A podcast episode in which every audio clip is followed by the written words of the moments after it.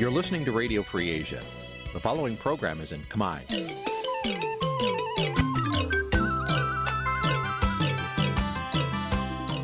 នេះជាកម្មវិធីផ្សាយ Vuthu Azizi Serai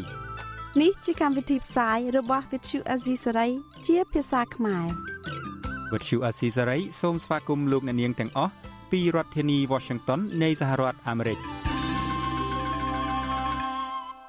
បាទពីរដ្ឋធានី Washington សហរដ្ឋអាមេរិកខ្ញុំបាទយ៉ងច័ន្ទដារាសូមជម្រាបសួរលោកអ្នកនាងអ្នកស្ដាប់វិទ្យុ Azizi Serai ទាំងអស់ជាទីមេត្រីខ្ញុំបាទសូមជូនកម្មវិធីផ្សាយសម្រាប់ព្រឹកថ្ងៃពុធ6កើតខែស្រាប ឆ្នាំខាលចត្វាស័កពុទ្ធសករាជ2566ដែលត្រូវនឹងថ្ងៃទី3ខែសីហាគ្រិស្តសករាជ2022បាទជាដំបូងនេះសូមអញ្ជើញអស់លោកអ្នកនាងស្ដាប់ព័ត៌មានប្រចាំថ្ងៃដែលមានមេត្តាដូចតទៅ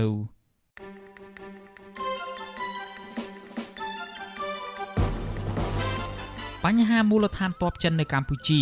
អាចនឹងត្រូវបានលើកឡើងនៅក្នុងកិច្ចប្រជុំអាស៊ានរដ្ឋាភិបាលបារម្ភពីភាពតានតឹងនៅច្រកសមុទ្រតៃវ៉ាន់ក៏ប៉ុន្តែបន្តគាំទ្រគោលនយោបាយចិនតែមួយជនរងគ្រោះឥណ្ឌូនេស៊ីរងអំពើទារុណកម្មនឹងការធ្វើការងារជាទម្ងន់នៅកម្ពុជា លោកសំរងស៊ីគាំទ្រឲ្យគណៈបកក្រៅរដ្ឋាភិបាលចំនួន5រួបរวมគ្នាក៏ប៉ុន្តែទាមទារឲ្យមានភាពស្មោះត្រង់នឹងគ្នារួមនឹងព័ត៌មានសំខាន់សំខាន់មួយចំនួនទៀត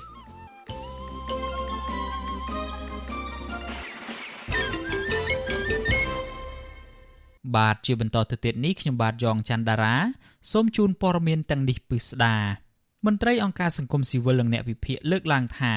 ក្រមប្រទេសប្រជាធិបតេយ្យនឹងលើកឡើងអំពីបញ្ហាការធ្លាក់ចុះការគោរពសិទ្ធិមនុស្សនៅកម្ពុជា និងបណ្ដាប្រទេសអាស៊ាន ជាពិសេសវិបត្តិនៅប្រទេសភូមានៅក្នុងកិច្ចប្រជុំរដ្ឋមន្ត្រីការបរទេសអាស៊ានលើកទី55ជាមួយគ្នានេះពួកគេយល់ឃើញថាបញ្ហាវត្តមានកងទ័ពចិននៅមូលដ្ឋានទ័ពជើងទឹករៀមក៏ទំនងជានឹងត្រូវបានលើកឡើងដែរនៅក្នុងកិច្ចប្រជុំនេះពីព្រោះរឿងនេះពាក់ព័ន្ធដល់សន្តិសុខតំបន់និងអន្តរជាតិ បាទលោកមានរិទ្ធរាយការណ៍ព័ត៌មាននេះមន្ត្រីសង្គមស៊ីវិលនិងអ្នកវិភាគលើកឡើងថាកិច្ចប្រជុំរដ្ឋមន្ត្រីការបរទេសអាស៊ានលើកទី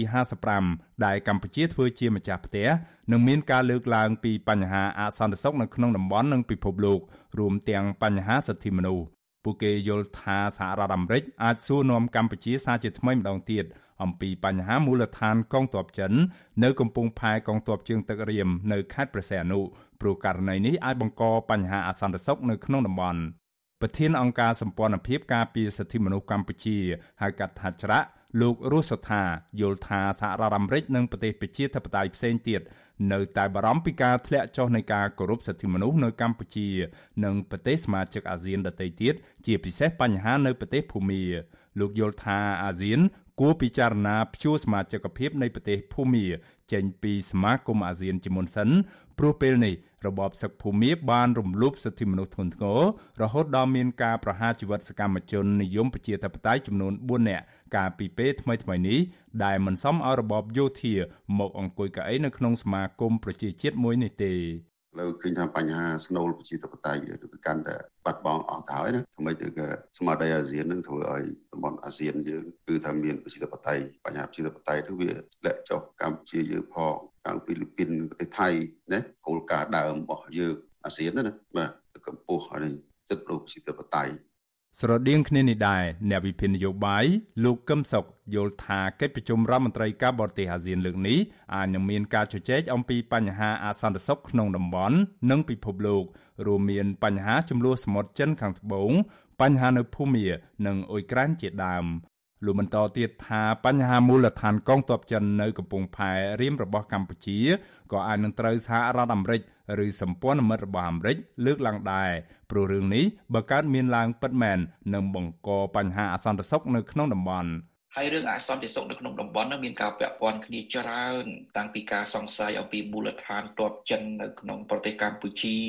រដ្ឋាភិបាលលោកហ៊ុនសែនមិនត្រូវដោះសារទេក៏ប៉ុន្តែត្រូវសម្រួលស្ថានភាពដោយការសម្របសម្រួលគ្នាទាំងជាមួយជប៉ុនសហរដ្ឋអាមេរិកក្នុងការកុំឲ្យមាន ការសង្ស័យដែលคล้ายទៅជារឿងប្រទុះនៅពេលដែលកើតការពិតជាក់ស្ដែងចេញមកណា រដ្ឋាភិបាលកម្ពុជាដែលជាប្រធានបដូវវេនអាស៊ានកំពុងធ្វើជាម្ចាស់ផ្ទះរៀបចំកិច្ចប្រជុំរដ្ឋមន្ត្រីការបរទេសអាស៊ានលើកទី55និងកិច្ចប្រជុំពាក់ព័ន្ធនៅក្នុងក្របខ័ណ្ឌអាស៊ានចាប់ពីថ្ងៃទី29ខែកក្កដារហូតដល់ថ្ងៃទី5ខែសីហានៅរាជធានីភ្នំពេញ សេចក្តីប្រកាសព័ត៌មានក្រសួងការបរទេសកម្ពុជាឲ្យដឹងថាក្នុងនោះមានកិច្ចប្រជុំដូចជាកិច្ចប្រជុំគណៈកម្មការតំបន់អាស៊ីអាគ្នេយ៍គ្មានអាវុធនុយក្លេអ៊ែរជំនួបរដ្ឋមន្ត្រីការបរទេសអាស៊ានជាមួយតំណាងគណៈកម្មការអន្តររដ្ឋាភិបាលអាស៊ាន ស្ដីពីបញ្ហាសិទ្ធិមនុស្សនិងកិច្ចប្រជុំផ្សេងៗមួយចំនួនទៀត ក្រសួងការបរទេសកម្ពុជាឲ្យដឹងដែរថាលោកនាយរដ្ឋមន្ត្រីហ៊ុនសែននឹងចូលរួមពិធីបើកជាផ្លូវការនៃកិច្ចប្រជុំរដ្ឋមន្ត្រីការបរទេសអាស៊ាន លើកទី55នៅថ្ងៃពុធទី3ខែសីហាគិតត្រឹមថ្ងៃទី2ខែសីហារដ្ឋមន្ត្រីការបរទេសនៃសមាជិកអាស៊ាន និងមន្ត្រីការបរទេសនៃប្រទេសមួយចំនួនទៀតបានធ្វើដំណើរមកដល់ប្រទេសកម្ពុជាជាបណ្ដាបណ្ដាហើយដើម្បីចូលរួមកិច្ចប្រជុំនេះ តាក់ទងទៅនឹងការលើកឡើងរបស់មន្ត្រីសង្គមស៊ីវិលនិងអ្នកវិភាគនៅពេលនេះ Visual C ស្រីមិនទាន់អាចសុំប្រតិកម្មពីអ្នកនាំពាក្យក្រសួងការបរទេសកម្ពុជាលោកជុំសន្តិរីបាននៅឡើយទេនៅថ្ងៃទី2ខែសីហាទោះជាយ៉ាងណាប្រធានអង្គភិបអ្នកនាំពាក្យរដ្ឋាភិបាល លោកផៃស៊ីផានឲ្យដឹងថាកិច្ចប្រជុំនេះមិនមានតំណាងរបបសឹកភូមិចូលរួមទេ ចំណែកឯការជជែកស៊ីជម្រៅបែបណាលើបញ្ហាភូមិលោកថាលោកមិនបានដឹងទេ លោកផៃស៊ីផាន លើកឡើងទៀតថាកម្ពុជានៅតែបន្តពន្យល់ទៅមិត្តបរទេសណា ដែលបារម្ភពីបញ្ហាមូលដ្ឋានកងទ័ពចិននៅកម្ពុជាលោកនៅតែអះអាងដដែលដដែលថាកម្ពុជានៅតែប្រកាន់គោលនយោបាយមិនអនុញ្ញាតឲ្យមានភាគីណាមួយ មានឥទ្ធិពលទៅលើកម្ពុជា ឬមកលើអាស៊ាននោះទេ យើងគ្មានអ្វីក្រៅតែពីបញ្យលប្រាប់ហើយជាក់ស្ដែងការបញ្យលប្រាប់របស់យើងគឺទៅតាមអ្វីទៅតែជាគោលនយោបាយការបរទេសរបស់យើងគឺយើងមិនរំលោភលើអ្វីទៅដែលយើងចង់បានស្ថិរភាពនយោបាយហើយនឹងសន្តិភាពសម្រាប់ធ្នាប់នៅក្នុងតំបន់អាស៊ានពីព្រោះនៅក្នុងតំបន់អាស៊ានក៏គេមានច្បាប់មានទម្លាប់របស់អាស៊ានដែរដើម្បីថែរក្សាសន្តិភាពរួម តាក់ទងនឹងរឿងនេះដែររដ្ឋមន្ត្រីការបរទេសជប៉ុន លោក Hayashi Yoshimasa ដែលគ្រងនឹងចូលរួមកិច្ចប្រជុំនេះបានរំលឹកទៅរដ្ឋាភិបាលលោកហ៊ុនសែនតាក់ទងនឹងការអភិវឌ្ឍកំពង់ផែស្វយ័តក្រុងព្រះសីហនុថាកំពង់ផែនេះជាកំពង់ផែស្នូលរបស់កម្ពុជា និងជាកិច្ចសហប្រតិបត្តិការលើវិស័យសន្តិសុខ រដ្ឋមន្ត្រីការបរទេសជប៉ុនរូបនេះលើកឡើងពីកំពង់ផែរបស់កម្ពុជាខណៈសហរដ្ឋអាមេរិកតែងលើកឡើងពីក្តីបារម្ភរបស់ខ្លួនទាក់ទងនឹងព័ត៌មាននៃមូលដ្ឋានកងទ័ពចិននៅកម្ពុជាលោករដ្ឋមន្ត្រី Hayashi Yoshimasa លើកឡើងថាលោកនឹងមកដល់កម្ពុជានៅថ្ងៃទី3ខែសីហាដើម្បីចូលរួមកិច្ចប្រជុំរដ្ឋមន្ត្រីការបរទេសដែលពាក់ព័ន្ធនៅក្នុងក្របខ័ណ្ឌអាស៊ានលោកលើកឡើងទៀតថាកិច្ចប្រជុំក្នុងពេលដែលសហគមន៍អន្តរជាតិ កំពុងប្រឈមនៅបញ្ហាស្មុគស្មាញដូចជាបញ្ហាអ៊ុយក្រែនកូរ៉េខាងជើងមីយ៉ាន់ម៉ានិងសមុទ្រចិនខាងត្បូងជាដើមគឺមានសារៈសំខាន់ជាវេទិកាមួយដើម្បីបញ្ជាក់និងផ្សព្វផ្សាយពីតម្លៃនិងគោលការណ៍ដែលសហគមន៍អន្តរជាតិគួរតែប្រកាន់ខ្ជាប់ រដ្ឋមន្ត្រីការបរទេសជប៉ុន លោក Hayashi Yoshimasa លើកឡើងដូចនេះនៅក្នុងសាររបស់លោកផ្ញើជូនពលរដ្ឋកម្ពុជា ដែលបានបង្ហោះតាមទំព័រ Facebook របស់ស្ថានទូតជប៉ុន ប្រចាំកម្ពុជា នៅថ្ងៃទី2ខែសីហា ក្រៅពីចូលរួមកិច្ចប្រជុំរដ្ឋមន្ត្រីការបរទេសអាស៊ានរដ្ឋមន្ត្រីការបរទេសជប៉ុនរូបនេះក៏គ្រងមានជំនួបទ្វេភាគីជាមួយភាគីកម្ពុជាដែរដែលមានការជជែកពីការបញ្ជាក់ឡើងវិញនៅទំនាក់ទំនងដ៏រឹងមាំរវាងប្រទេសកម្ពុជានិងជប៉ុនលោកថាទស្សនកិច្ចនៅក្នុងកម្ពុជាជាលើកដំបូងក្នុងនាមជារដ្ឋមន្ត្រីការបរទេសនេះលោកនឹងភ្លក់រសជាតិដើមកំណើតនៃម្ហូបខ្មែរអាម៉ុក ចំណែកឯរដ្ឋមន្ត្រីការបរទេសសហរដ្ឋអាមេរិកលោក Anthony Blinken វិញលោកនឹងធ្វើដំណើរចូលរួមកិច្ចប្រជុំនេះចាប់ពីថ្ងៃទី3ដល់ថ្ងៃទី5ខែសីហាលោក Anthony Blinken ក៏គ្រងជជែកគ្នាជាមួយលោកហ៊ុនសាននិងរដ្ឋមន្ត្រីការបរទេសកម្ពុជា លោកប្រាក់សុខុនផងដែរ នៅមុនដំណើរទស្សនកិច្ចនេះមន្ត្រីការទូតជាន់ខ្ពស់របស់សហរដ្ឋអាមេរិកសម្រាប់កិច្ចការតំបន់អាស៊ីបូព៌ាត្រូវបានទីភ្នាក់ងារសារព័ត៌មានអន្តរជាតិ Reuters ស្រង់ប្រសាសន៍ថារដ្ឋមន្ត្រីការបរទេសអាមេរិកលោក Anthony Blinken នឹងជំរុញឲ្យកម្ពុជា បើកចំហនិងបង្ហាញដំណាភាពជំវិញភាពជាដៃគូនៃសន្តិសុខរបស់ប្រទេសនេះជាមួយប្រទេសចិនទន្ទឹមនឹងនេះរដ្ឋមន្ត្រីការបរទេសអាមេរិករុងនេះ ក៏គ្មានគម្រោងជួបទ្វេភាគីជាមួយរដ្ឋមន្ត្រីការបរទេសចិន លោកវ៉ាងយីនៅកម្ពុជានោះទេលោកក៏គ្មានគម្រោងជួបជាមួយសមាភិកីកូរ៉េខាងជើង ដើម្បីជជែកពីបញ្ហាកូរ៉េខាងជើងនោះដែរមន្ត្រីនាំពាក្យក្រសួងការបរទេសអាមេរិកបញ្ជាក់ថារដ្ឋមន្ត្រីការបរទេសអាមេរិកលោក Anthony Blinken ក៏គ្មានគម្រោងជួបទ្វេភាគីជាមួយរដ្ឋមន្ត្រីការបរទេសរុស្ស៊ីលោក Sergei Lavrov នោះដែរខ្ញុំបានមេរិត Visual C សេរី រាយការណ៍ពីរដ្ឋធានី Washington បាទលោកអ្នកនាងជាទីមេត្រីតំណាងរដ្ឋាភិបាលកម្ពុជាអះអាងថារដ្ឋាភិបាលព្រួយបារម្ភពីភាពតានតឹងនៅច្រកសមុទ្រតៃវ៉ាន់ក៏ប៉ុន្តែគូបញ្ជាក់ពីគោលជំហរគ្រប់គ្រងឥតងាករេពីគោលនយោបាយចិនតែមួយក្តីបារម្ភនេះកើតមានឡើងស្របពេលដែលមានដំណើរទស្សនកិច្ចរបស់ប្រធានរដ្ឋសភាអាមេរិកគឺអ្នកស្រី Nancy Pelosi ទៅកោះតៃវ៉ាន់នៅថ្ងៃទី2ខែសីហា បាទលោកជាតិចំណានរាយការណ៍ព័ត៌មាននេះអ្នកនាំពាក្យកិច្ចប្រជុំរដ្ឋមន្ត្រីការបរទេសអាស៊ានលើកទី55និងកិច្ចប្រជុំពាក់ព័ន្ធក្នុងក្របខ័ណ្ឌអាស៊ានលោកគង់ភោគថ្លែងប្រាប់ក្រុមអ្នកសារព័ត៌មានកាលពីថ្ងៃទី2ខែសីហាថាកម្ពុជាព្រួយបារម្ភអំពីការកើនឡើងនៅភាពតានតឹងនៅច្រកសមុទ្រតៃវ៉ាន់ដោយនិយាយមិនសម្ដៅឈ្មោះសហរដ្ឋអាមេរិកនិងប្រទេសចិនអ្នកនាំពាក្យរូបនេះថាកម្ពុជាចង់ឃើញការកាត់បន្ថយភាពតានតឹងនៅច្រកសមុទ្រតៃវ៉ាន់និងសង្ឃឹមថាភាគីទាំងអស់នឹងពិគ្រោះយោបល់គ្នាប្រកបដោយសន្តិវិធី ហើយបើកឲ្យមានកិច្ចសន្ទនាប្រកបដោយការស្ថាបនាទោះជាយ៉ាងណាលោកគង់ភោគគូបញ្ជាក់ថាជំហររបស់កម្ពុជា នៅទៀងទាត់ដដែលគឺគោរពតាមគោលការណ៍នយោបាយចិនតែមួយក៏ត្រឹមយប់ថ្ងៃទី2ខែសីហាប្រធានរដ្ឋសភាអាមេរិកអ្នកស្រី Nancy Pelosi បានជំនះធ្វើដំណើរទៅដល់កោះតៃវ៉ាន់ហើយដោយតាមការគ្រោងទុកបើទោះបីជាមានការប្រមានធ្ងន់ធ្ងរពីប្រទេសចិនថាសហរដ្ឋអាមេរិកនឹងរងផលវិបាកធ្ងន់ធ្ងរពីដំណើរទស្សនកិច្ចនេះយ៉ាងណាក៏ដោយ ដំណើរទស្សនកិច្ចរបស់ប្រធានរដ្ឋសភាអាមេរិកមិនធ្លាប់មាននៅក្នុងរយៈពេល25ឆ្នាំកន្លងមកនេះកំពុងបង្កឲ្យមានភាពតានតឹងកាន់តែខ្លាំងឡើងរវាងសហរដ្ឋអាមេរិកនិងប្រទេសចិនកុម្មុយនីសនៅមុនដំណើរទស្សនកិច្ចនេះប្រទេសចិនព្រមានថានឹងចាត់វិធានការតបតល់យ៉ាងមោះមុតនិងខ្លាំងក្លានឹងថាកងទ័ពរំដោះប្រជាជនចិននឹងមិនសំងំស្ងៀមឡើយប្រសិនបានអ្នកស្រី Nancy Pelosi ទៅធ្វើទស្សនកិច្ចនៅកោះតៃវ៉ាន់មែន ក៏ប៉ុន្តែគិតត្រឹមម៉ោងផ្សាយនេះចិនមិនទាន់ប្រើវិធានការក្តៅតាមរយៈការប្រើកម្លាំងយោធារបស់ខ្លួនមកលើកោះតៃវ៉ាន់នៅឡើយទេប្រទេសចិនកុម្មុយនីសតែងតែចាត់ទុកកោះតៃវ៉ាន់គឺជាផ្នែកមួយនៃខេត្តដែលជាទឹកដីរបស់ខ្លួនក្រុមអ្នកជំនាញកិច្ចការអន្តរជាតិប្រមានថាប្រសិនបើចិនប្រើមធ្យោបាយក្តៅដែលលើកតបទៅឈ្លានពានដណ្ដើមយកអធិបតេយ្យលើកោះតៃវ៉ាន់ដោយដែលរុស្ស៊ីកំពុងឈ្លានពានប្រទេសអ៊ុយក្រែននោះគោលនយោបាយចិនតែមួយរបស់កម្ពុជានឹងអូសទាញកម្ពុជាឲ្យធ្លាក់ចូលនឹងចំនួនប្រវត្តិសាស្ត្រនយោបាយហើយសន្តិសុខរបស់កម្ពុជា នឹងត្រូវប្រឈមនឹងគ្រោះថ្នាក់ដោយឡែកជំវិញលទ្ធផលនៅថ្ងៃទី4នៃកិច្ចប្រជុំរដ្ឋមន្ត្រីការបរទេសអាស៊ានលើកទី55និងកិច្ចប្រជុំពាក់ព័ន្ធក្នុងក្របខ័ណ្ឌអាស៊ានដែលកម្ពុជារៀបចំធ្វើជាម្ចាស់ផ្ទះចាប់ពីថ្ងៃទី30ខែកក្កដាដល់ថ្ងៃទី6ខែសីហាវិញលោកគង់ភពឲ្យដឹងថារដ្ឋមន្ត្រីការប្រទេសអាស៊ានបានយល់ព្រមស្របតាមផែនការសកម្មភាពពង្រឹងការបន្តអនុវត្តសន្ធិសញ្ញាស្តីពីតំបន់អាស៊ីអាគ្នេយ៍គ្មានអាវុធនុយក្លេអ៊ែររយៈពេល5ឆ្នាំទៀតគឺឆ្នាំ2023 ដល់ឆ្នាំ2027លោកថារដ្ឋមន្ត្រីការបរទេសអាស៊ានក៏បានឯកភាពគ្នាឲ្យប្រទេសដែលជាសមាជិកអាស៊ានពិគ្រោះយោបល់ផ្ទៃក្នុងដើម្បីឈានទៅចុះហត្ថលេខាលើពិធីសារនៃសន្ធិសញ្ញាលើតំបន់អាស៊ីអាគ្នេយ៍គ្មានអាវុធនុយក្លេអ៊ែរក្រៅពីនេះក៏មានកិច្ចប្រជុំរវាងរដ្ឋមន្ត្រីការបរទេសអាស៊ានមួយនិងគណៈកម្មាធិការអន្តរជាតិរដ្ឋាភិបាលអាស៊ានទទួលបន្ទុកផ្នែកសិទ្ធិមនុស្សលោកគង់ភុកអះអាងថានៅក្នុងកិច្ចប្រជុំនេះ គណៈកម្មការអន្តររដ្ឋាភិបាលអាស៊ានទទួលបន្ទុកសិទ្ធិមនុស្សបានលើកឡើងពីក្តីកង្វល់នានាពាក់ព័ន្ធនឹងការប្រហារជីវិតលើអ្នកទោសនយោបាយភូមិចំនួន4នាក់ដែលប្រព្រឹត្តដោយរបបសឹកភូមិកាលពីពេលថ្មីៗនេះដោយលោកជឿថានឹងមិនមែនជាការដោះស្រាយបញ្ហានៅភូមិនោះឡើយជំវិញបញ្ហាភូមិនេះលោកគង់ភពបញ្ជាក់ថាកម្ពុជាក្នុងនាមជាប្រធានបដូវវេនអាស៊ានមិនបានអញ្ជើញរដ្ឋមន្ត្រីការបរទេសរបបសឹកភូមិឲ្យមកចូលរួមកិច្ចប្រជុំរដ្ឋមន្ត្រីការបរទេសអាស៊ានលើកទី55នេះឡើយ ដោយស្នើឲ្យភូមិចាត់បញ្ជូនតំណាងដែលមិនមែនជាអ្នកនយោបាយឲ្យមកចូលរួមក៏ប៉ុន្តែរបបសឹកភូមិបានបដិសេធដូច្នេះលោកថាកៅអីតំណាងប្រទេសភូមាត្រូវទុកឲ្យទំនេរ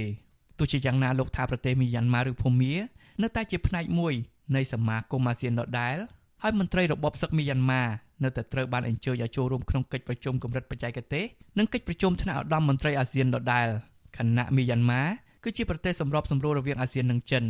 លោកនាយករដ្ឋមន្ត្រីហ៊ុនសែននឹងចូលរួមបើកកិច្ចប្រជុំរដ្ឋមន្ត្រីការបរទេសអាស៊ានលើកទី55ជាផ្លូវការនៅព្រឹកថ្ងៃពុធទី3ខែសីហាក្រៅពីកិច្ចប្រជុំរដ្ឋមន្ត្រីការបរទេសអាស៊ានលើកទី55នេះ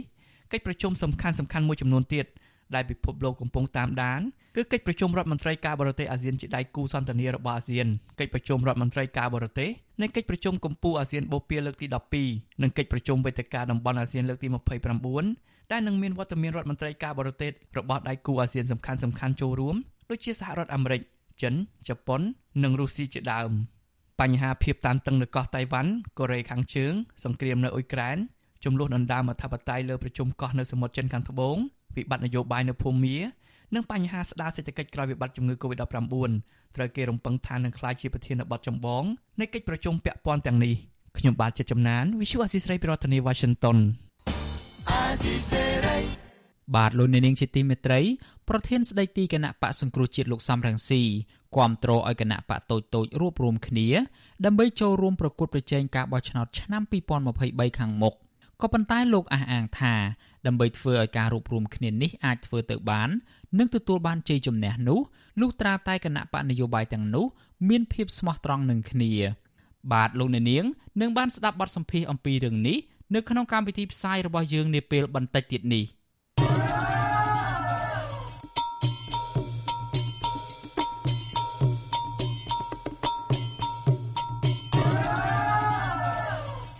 លោកអ្នកនាងកំពុងស្ដាប់ការផ្សាយរបស់ Vuthu Azizi Serai ពីរដ្ឋធានី Washington សហរដ្ឋអាមេរិកតាក់ទងទៅនឹងបញ្ហាសិទ្ធិការងារវិញកម្មករសំណង់ជាង400នាក់បម្រើការក្នុងការដ្ឋានអាគារជីងឆឹងនៅក្នុងខេត្តព្រះសីហនុនៅតែមិនទាន់ទទួលបានប្រាក់ខែពីថៅកែជនជាតិចិននៅឡើយមន្ត្រីសហជីពរិះគន់ថា ការដែលជនបរទេសមករកស៊ីនៅលើទឹកដីកម្ពុជាអាចបន្តរំលោភសិទ្ធិកម្មករខ្មែរជាហូរហែមកនេះគឺដោយសារតែអាជ្ញាធរមិនអើពើនៅក្នុងការអនុវត្តច្បាប់ឲ្យបានត្រឹមត្រូវទៅលើក្រុមវិនិយោគិនទុច្ចរិតទាំងនោះ បាទលោកសេកបណ្ឌិតរាយការណ៍ព័ត៌មាននេះក្រុមកម្មករសំណង់ដែលធ្វើការងារនៅអាគារជីងឈឹងស្ថិតនៅក្នុងខេត្តប្រសេនុអះអាងថា ពួកគាត់មិនទាន់បានទទួលដំណោះស្រាយសមរម្យណាមួយឡើយទេ បន្ទាប់ពីថៅកែម្ចាស់អាគារការដ្ឋានជាជនជាតិចិន បានរត់ចោលពួកគាត់ទាំងមិនទាន់បានបើកប្រាក់ឈ្នួលកម្មករផ្នែកសំណង់កញ្ញាម៉ាណុនប្រាប់បទសុអាស៊ីសេរីនៅថ្ងៃទី2ខែសីហា ថាកញ្ញាខកចិត្តចំពោះទង្វើរបស់ថៅកែម្ចាស់អាគារដែលបង្ខំឲ្យកម្មករធ្វើការទាំងយប់ទាំងថ្ងៃប៉ុន្តែមិនបើកប្រាក់ឈ្នួលជូនកម្មករកញ្ញាបញ្ជាក់ទៀតថា កម្មករខ្លះពួកគាត់អស់ជំនឿលើក្រុមហ៊ុន និងអាជ្ញាធរដោយសម្រេចវិលត្រឡប់ទៅស្រុកកំណើតវិញ ទាំងគ្មានប្រាក់កម្រៃចំណែកឯកម្មករមួយចំនួនទៀតពួកគាត់រកការងារធ្វើថ្មី ដើម្បីបានចំណូលសងបំណុលធនាគារកញ្ញាថាក្រុមកម្មករទាំងអស់នៅតែបន្តស្នើសុំដល់អាជ្ញាធរដើម្បីជំរុញឲ្យម្ចាស់ការដ្ឋានអាគារជីងឈឹងចេញមុខមកទូទាត់សំណងជូនដល់កម្មករឲ្យបានឆាប់ដោយសារតែបច្ចុប្បន្នពួកគាត់មានជីវភាពខ្វះខាត និងគ្មានប្រាក់កម្រៃផ្គត់ផ្គង់លើម្ហូបអាហារប្រចាំថ្ងៃនោះឡើយមានអារម្មណ៍ថាអស់សង្ឃឹមណាស់ហ្នឹងបើសិនជាស្នើគាត់ជួយបានសូមឲ្យគាត់ជួយស្នើអន្តរាគមចំពោះបញ្ហាដែលថាពួកចិនធ្វើបាបកម្មករខ្មែរឬថាគឺអត់បើកលុយប្រាក់ខែឲ្យកម្មករខ្មែរសូមស្នើតែប៉ុណ្្នឹងឲ្យគាត់ជួយដោះស្រាយប៉ុណ្្នឹងសូមគុំលំអៀងណាបងចំណែកមេការសំណង់និងជាអ្នកបកប្រែភាសាចិនប្រចាំការដ្ឋានអាគារជីងឈឹងគឺលោកស្រីសុកស្រីលីន អះអាងថាម្ចាស់អាគារជីងឈឹងដែលគ្រប់គ្រងដោយថៅកែជនជាតិចិនឈ្មោះយ៉ាងខឺនៅតែមិនទាន់ចេញមុខដោះស្រាយប្រាក់ឈ្នួលជូនក្រុមហ៊ុនលោកស្រីដើម្បីយកប្រាក់ទាំងនោះផ្ដល់ជូនកម្មករជាច្រើនផ្នែកទៀតនៅឡើយនោះទេលោកស្រីឲ្យដឹងទៀតថាក្រោយពីថៅកែម្ចាស់អាគារជីងឈឹងបានរត់ចោលកម្មករលោកស្រីនិងកម្មករដទៃទៀត បានរួមគ្នាដាក់ពាក្យប្តឹងទៅកាន់អាជ្ញាធរមានសមត្ថកិច្ចនៅក្នុងខេត្តប្រសេនុជាបន្តបន្ទាប់ដើម្បីឲ្យចាត់វិធានការលើថៅកែដែលគ្មានទំនួលខុសត្រូវលើកម្មករប៉ុន្តែលោកស្រីថារហូតមកទល់នឹងពេលនេះថៅកែដែលជាជនជាតិចិន នៅតែមិនទាន់ទទួលខុសត្រូវចំពោះក្រុមកម្មករនៅឡើយក្រៅពីនេះការដ្ឋានអាគារជីងឈឹងនៅតែបន្តដំណើរការសាងសង់ធម្មតាដោយសារតែម្ចាស់អាគារនេះ បានជួលកម្មករថ្មីថ្មីរាប់រយនាក់បន្ថែមទៀតឲ្យមកធ្វើការដោយគ្មានអាជ្ញាធរណាហ៊ានចុះមករៀបរៀងនោះឡើយវាជារឿងមួយអយុត្តិធម៌ពីព្រោះអីកម្លាំងពលកម្មយើងយើងខំប្រឹងធ្វើតាំងពីដើមដំបូងមករហូតដល់ឥឡូវដែលយើងមិនទាន់បានបើកលុយបើកកាក់ឲ្យដល់ទៅពេលដែលចំណាត់ការហ្នឹងដល់ពេលដែលយើងចាប់ផ្ដើមដាក់ពាក្យបណ្ដឹងហ្នឹងដូចថាមានការយឺតយ៉ាវតកតោនឹងរឿងនេះវិទ្យុអាស៊ីសេរីនៅពុំទាន់អាចតកតងអភិបាលខេត្តប្រសេនុ លោកគួចចម្រើន និងអ្នកនាំពាក្យសាលាក្រុងប្រសេនុគឺលោកខៀងភិរមដើម្បីសាកសួរជុំវិញរឿងនេះបាននៅឡើយទេ នៅថ្ងៃទី2ខែសីហាចំណែកតំណាងម្ចាស់ការដ្ឋានអគារជីងឈឹងក៏វិទ្យុអសីសេរីមិនទាន់អាចតាក់ទងបានដែរនៅថ្ងៃដដែលនោះប៉ុន្តែកាលពីចុងខែកក្កដាកន្លងទៅ ក្រុមកម្មករថាមន្ត្រីនៃមន្ទីរការងារខេត្តប្រសេនុ ដែលពួកគាត់មិនស្គាល់ឈ្មោះប្រាប់ថាអាញាធរមានសមត្ថកិច្ចនៅតែបន្តស៊ើបអង្កេតរកម្ចាស់អគារជីងឈឹងឲ្យមកទទួលខុសត្រូវលើប្រាក់ឈ្នួលដែលក្រុមហ៊ុនបានជពាក់កម្មករក្រៅពីនេះក្រុមកម្មករឲ្យដឹងទៀតថាថៅកែជូនចិត្តចិនឈ្មោះយ៉ាងខឺដែលរត់ចោលកម្មករក្រោយពីពួកគាត់នាំគ្នាតវ៉ាកាលពីដើមខែកក្កដានោះ មកទល់ពេលនេះថៅកែរូបនេះក៏បានវិលត្រឡប់មកខេត្តបរសៃនុវិញហើយដែរជុំវិញរឿងនេះ អនុប្រធានសហព័ន្ធសហជីពកម្មករសំណង់និងប្រៃឈើកម្ពុជា លោកសួរឆ្លូនសង្កេតឃើញថាករណីដែលថៅកែគ្មានទំនួលខុសត្រូវលើកម្មករភៀកច្រើន គឺជាក្រុមហ៊ុនចិន ហើយមិនត្រូវបានអាជ្ញាធរដោះស្រាយជូនកម្មករឲ្យបានឆាប់ទាន់ពេលវេលានោះទេ លោកយល់ថារដ្ឋាភិបាលគួរមានយន្តការឲ្យបានជាក់លាក់ជាងបច្ចុប្បន្នដោយតម្រូវឲ្យក្រុមហ៊ុនដែលមកសាងសង់អគារនៅកម្ពុជាត្រូវតម្កល់ប្រាក់មួយចំនួន ដើម្បីឲ្យកម្មករមានជំនឿលើក្រុមហ៊ុនក្នុងករណីដែលម្ចាស់អគារខ្សែធន។ជាក់ ស្ដែងដោយករណីនៅពងសោមហ្នឹងមានន័យថាបើសិនជាម្ចាស់សហគ្រាសគ្រឹះស្ថានក្រុមហ៊ុនទាំងអស់នោះគាត់បានតម្កល់ប្រាក់មានន័យថាទោះបីជាមានហានិភ័យណាមួយកើតឡើងគឺអាចបង្វិលនៅប្រាក់កក់តែបានតម្កល់ទុកនោះដើម្បីធ្វើការដោះស្រាយឬក៏ទូទាត់សំណងទៅដល់កម្មករតែនេះគឺជាចំណុចមួយដែលក្រសួងការងារហើយផ្នែកអធិការកិច្ចឲ្យធ្វើការពិនិត្យមើលតាមដានទាំងវិញហើយជំរុញយ៉ាងណារាល់ការសាងសង់ត្រូវតែឲ្យអនុលោមតាមផ្លូវច្បាប់ មន្ត្រីសហជីពគាំពៀសិទ្ធិកម្មកររូបនេះបន្ថែមថាកម្មករផ្នែកវិស័យសំណង់នៅកម្ពុជាភាគច្រើន នៅតែប្រឈមបញ្ហាគ្រោះថ្នាក់ខ្ពស់ចំពោះការរំលោភសិទ្ធិមនុស្សការរំលោភសេចក្តីទុកចិត្តពីថៅកែខ្វះបច្ចេកទេសផ្នែកសុវត្ថិភាពនៅកន្លែងធ្វើការនិងឲ្យកម្មករស្នាក់នៅកន្លែងដែលគ្មានផាសុកភាពជាដើមលោកបន្តថាកត្តាដែលនាំឲ្យកម្មករខ្មែរងាយប្រឈមនឹងរងគ្រោះបែបនេះដោយសារតែអាញាធរ ជាពិសេសមន្ត្រីអធិការកិច្ចខ្វះការយកចិត្តទុកដាក់ក្នុងការគាំពៀសិទ្ធិកម្មករលោកទទូចដល់រដ្ឋាភិបាលឲ្យគិតគូរឡើងវិញ ចំពោះស្ថានភាពក្រុមកម្មករដែលកំពុងជួបការលំបាកនិងត្រូវមានយន្តការគ្រប់គ្រងថៅកែជាជនជាតិបរទេសជាពិសេសជនជាតិចិនឲ្យគោរពសិទ្ធិកម្មករជាអាតដើម្បីឲ្យពួកគាត់មានជំនឿបន្តធ្វើការងារក្នុងស្រុកជៀសវាងពួកគាត់ចំណាក់ស្រុកខុសច្បាប់ទៅធ្វើការងារនៅក្រៅប្រទេស ខ្ញុំបាទសេកបណ្ឌិតវិទ្យុអាស៊ីសេរីពីរដ្ឋធានីវ៉ាស៊ីនតោនបាទលោកនាងជាទីមេត្រីតកតងទៅនឹងការកេងប្រវ័ញ្ចកម្លាំងពលកម្មនេះដែរក្រុមគ្រួសារនៃជនរងគ្រោះឥណ្ឌូនេស៊ីឲ្យដឹងថាសមាជិកគ្រួសាររបស់ពួកគេ បានរងទារុណកម្មនឹងការបង្ខំឲ្យធ្វើការច្រើនម៉ោង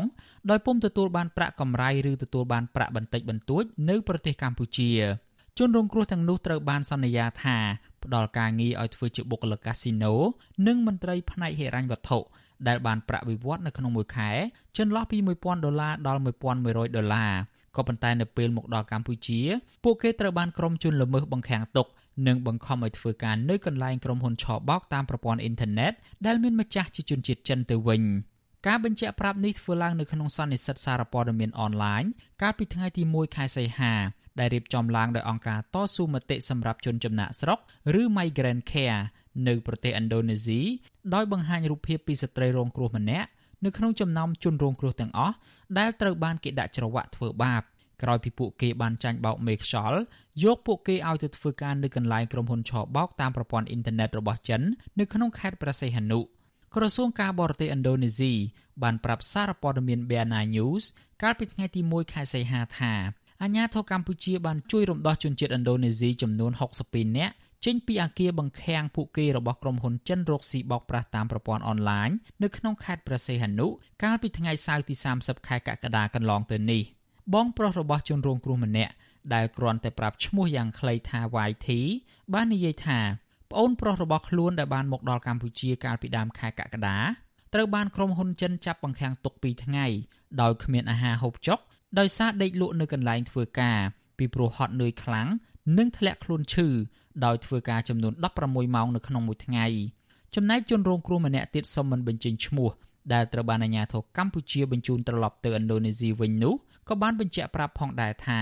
គ្នាគាត់ចំនួន3នាក់ត្រូវបានគេវាយដំឆក់ខ្សែភ្លើង និងដកហូតលិខិតឆ្លងដែនដោយសារតែមិនអាចបំពេញការងារទៅតាមតម្រូវការរបស់ក្រុមហ៊ុនបោកប្រាស់នោះបាន វិទ្យុអាស៊ីសេរីមិនអាចតាក់ទងសមត្ថកិច្ចនឹងក្រសួងការបរទេសកម្ពុជា ដើម្បីសុំការបញ្ជាក់បន្ថែមជុំវិញរឿងនេះបានទេ កាលពីថ្ងៃទី1ខែសីហាស្ថានទូតឥណ្ឌូនេស៊ីឲ្យដឹងថានៅក្នុងអំឡុងឆ្នាំ2021ស្ថានទូតបានបញ្ជូនជនរងគ្រោះឥណ្ឌូនេស៊ីចំនួន119នាក់ដែលចាញ់បោកគេមកធ្វើការនៅកម្ពុជាឲ្យត្រឡប់ទៅប្រទេសកំណើតវិញ ក៏ប៉ុន្តែនៅក្នុងអំឡុងពេល7ខែដើមឆ្នាំ2022នេះចំនួនជនរងគ្រោះបានកើនឡើងដល់ទៅជិត300នាក់នៅក្នុងនោះជិត200នាក់ក៏ត្រូវបានបញ្ជូនត្រឡប់ទៅវិញហើយដែររដ្ឋមន្ត្រីការបរទេសឥណ្ឌូនេស៊ីអ្នកស្រី Retno Masudi បានប្រាប់អ្នកសារព័ត៌មានថាអ្នកស្រីក្រុងជួបពិភាក្សាទ្វេភាគីស្ដីពីបញ្ហាជួញដូរមនុស្សនៅកម្ពុជាជាមួយរដ្ឋមន្ត្រីការបរទេសកម្ពុជាលោកប្រាក់សុខុន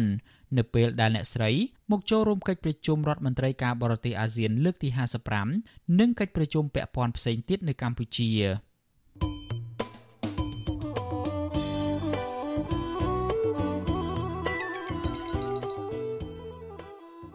លោកអ្នកនាងជាទីមេត្រីដំណើរគ្នានឹងស្ដាប់ការផ្សាយវិទ្យុអាស៊ីសេរីតាមបណ្ដាញសង្គម Facebook និង YouTube លោកអ្នកនាងក៏អាចស្ដាប់កម្មវិធីផ្សាយរបស់វិទ្យុអាស៊ីសេរី តាមរលកធាតុអាកាសខ្លីឬ Shortwave តាមកម្រិតនិងកម្ពស់ដូចតទៅនេះពេលព្រឹកចាប់ពីម៉ោង5កន្លះដល់ម៉ោង6កន្លះតាមរយៈរលកធាតុអាកាសខ្លី12140 kHz ស្មើនឹងកម្ពស់ 25m និង13715 kHz ស្មើនឹងកម្ពស់ 22m ពេលយប់ចាប់ពីម៉ោង7កន្លះដល់ម៉ោង8កន្លះ តាមរយៈរលកធាតុអាកាសខ្លី9960 kHz ស្មើនឹងកម្ពស់ 30m 12140 kHz ស្មើនឹងកម្ពស់ 25m និង11885 kHz ស្មើនឹងកម្ពស់ 25m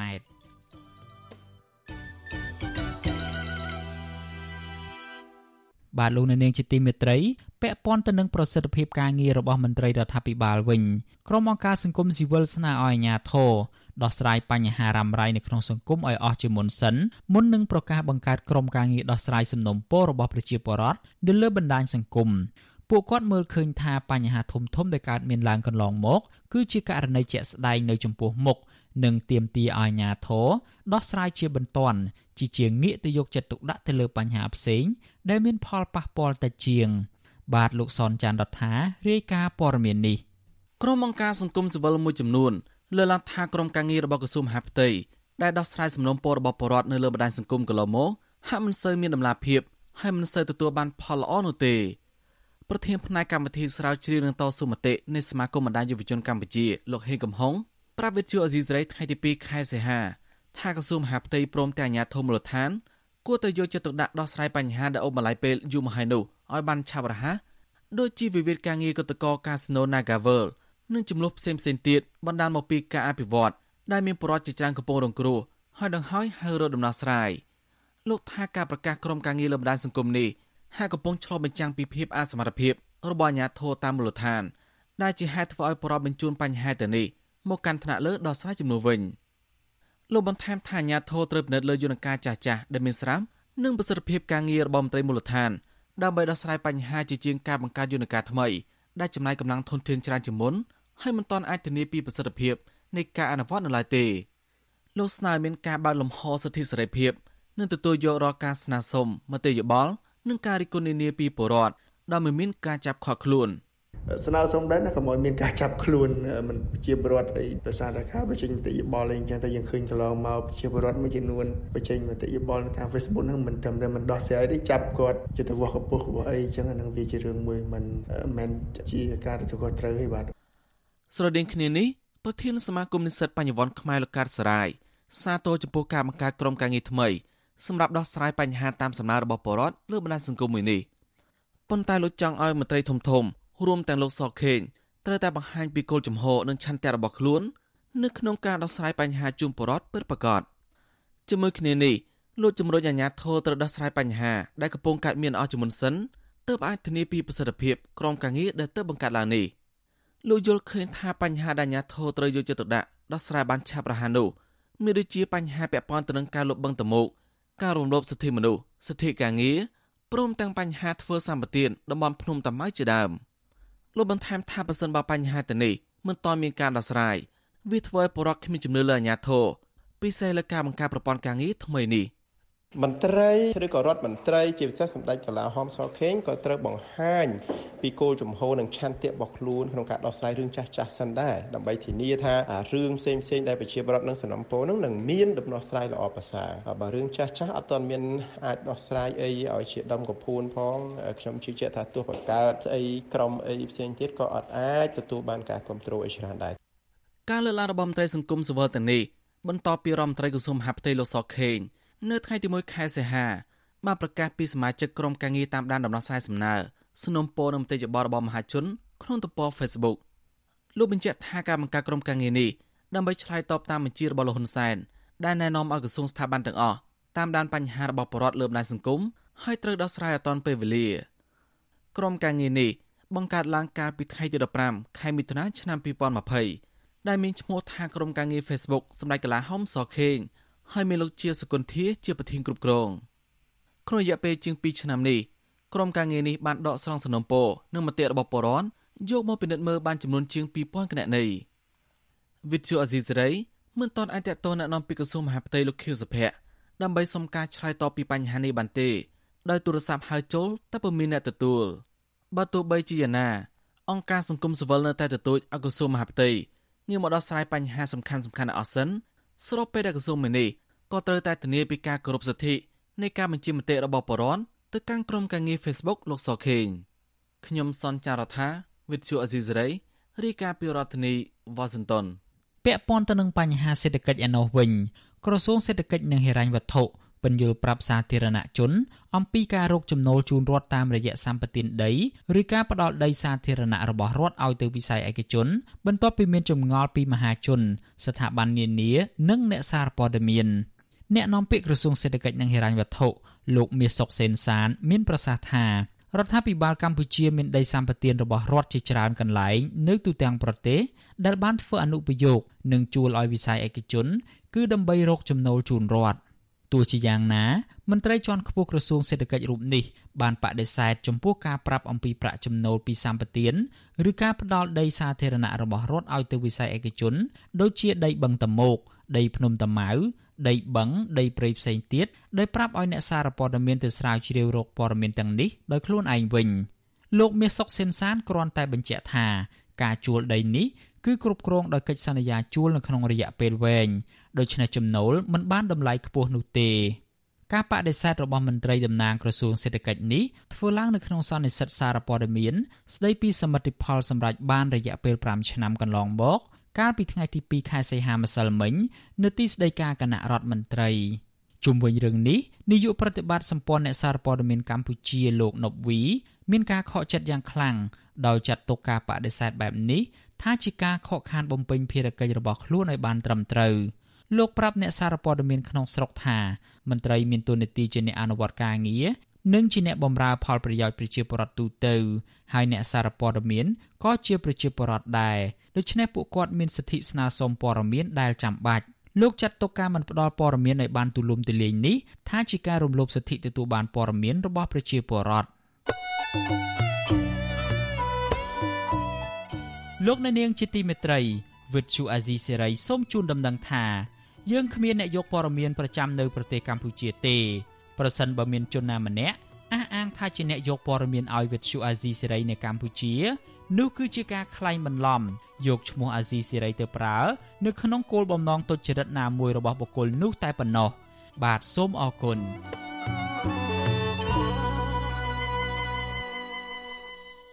បាទលោកអ្នកនាងជាទីមេត្រីយើងងាកទៅរឿងក្តីក្តាំនៅតុលាការវិញ សាលាដំបងរាជធានីភ្នំពេញសម្រាប់ផ្ដន់ទោសប្រធានគណៈបកផ្នែកក្រោកលោកសុកសវណ្ណវឌ្ឍនាសាបុងហៅវីលៀមគងនិងបកពួកចំនួន7នាក់ទៀតដាក់ពន្ធនាគារពាក់ព័ន្ធទៅនឹងករណីប្លន់ប្រដាប់អាវុធសារព័ត៌មានក្នុងស្រុកចុះផ្សាយថាតឡាការបានប្រកាសសាលក្រមសំណុំរឿងនេះកាលពីថ្ងៃទី2ខែសីហា នៅក្នុងនោះ តុលាការបានផ្ដន់ទោសប្រធានគណៈបកផ្នែកក្រោកលោកសុកសវណ្ណវឌ្ឍនាសាបុងហៅវីលៀមគងឲ្យជាប់ពន្ធនាគាររយៈពេល9ឆ្នាំហើយប្រពន្ធរបស់លោកក៏ត្រូវកាត់ទោសឲ្យជាប់ពន្ធនាគារចំនួន6ឆ្នាំជាមួយគ្នានោះបរិសុទ្ធចំនួន4នាក់ទៀតត្រូវតុលាការកាត់ឲ្យជាប់ពន្ធនាគារចំនួន8ឆ្នាំ និងស្ត្រីម្នាក់ទៀតជាប់ពន្ធនាគារ6ឆ្នាំ ចំណែកជនត្រូវចោតម្នាក់ទៀតឈ្មោះជួបសុភត្រាដែលកំពុងរត់គេចខ្លួនក៏ត្រូវបានតុលាការផ្ដន្ទាទោសឲ្យជាប់ពន្ធនាគាររយៈពេល8ឆ្នាំ និងចេញដីកាបង្គាប់ឲ្យតាមចាប់ខ្លួនយកមកអនុវត្តទោសតុលាការបានតម្រូវឲ្យក្រុមនេះបង់ប្រាក់សំណងរួមគ្នាទៅម្ចាស់ទ្រព្យឬដើមបណ្ដឹងចំនួន50ម៉ឺនដុល្លារនិងសងជំងឺចិត្តប្រមាណ750,000ដុល្លារទៀត។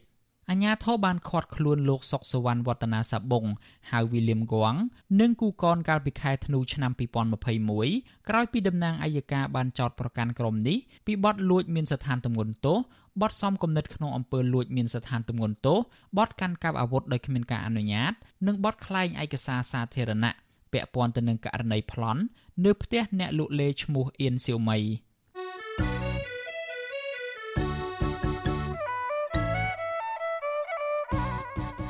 លោកអ្នកនាងកញ្ញាជាទីមេត្រីក្រៅពីការតាមដានកម្មវិធីផ្សាយរបស់ Vuthu Azizi Siri តាមបណ្ដាញសង្គម Facebook YouTube Telegram លោកអ្នកនាងក៏អាចតាមដានកម្មវិធីផ្សាយរបស់យើងតាមរយៈបណ្ដាញសង្គម Instagram របស់ Azizi Siri បានដែរតាមរយៈតំណ link www.instagram.com/rfa ខ្មែរ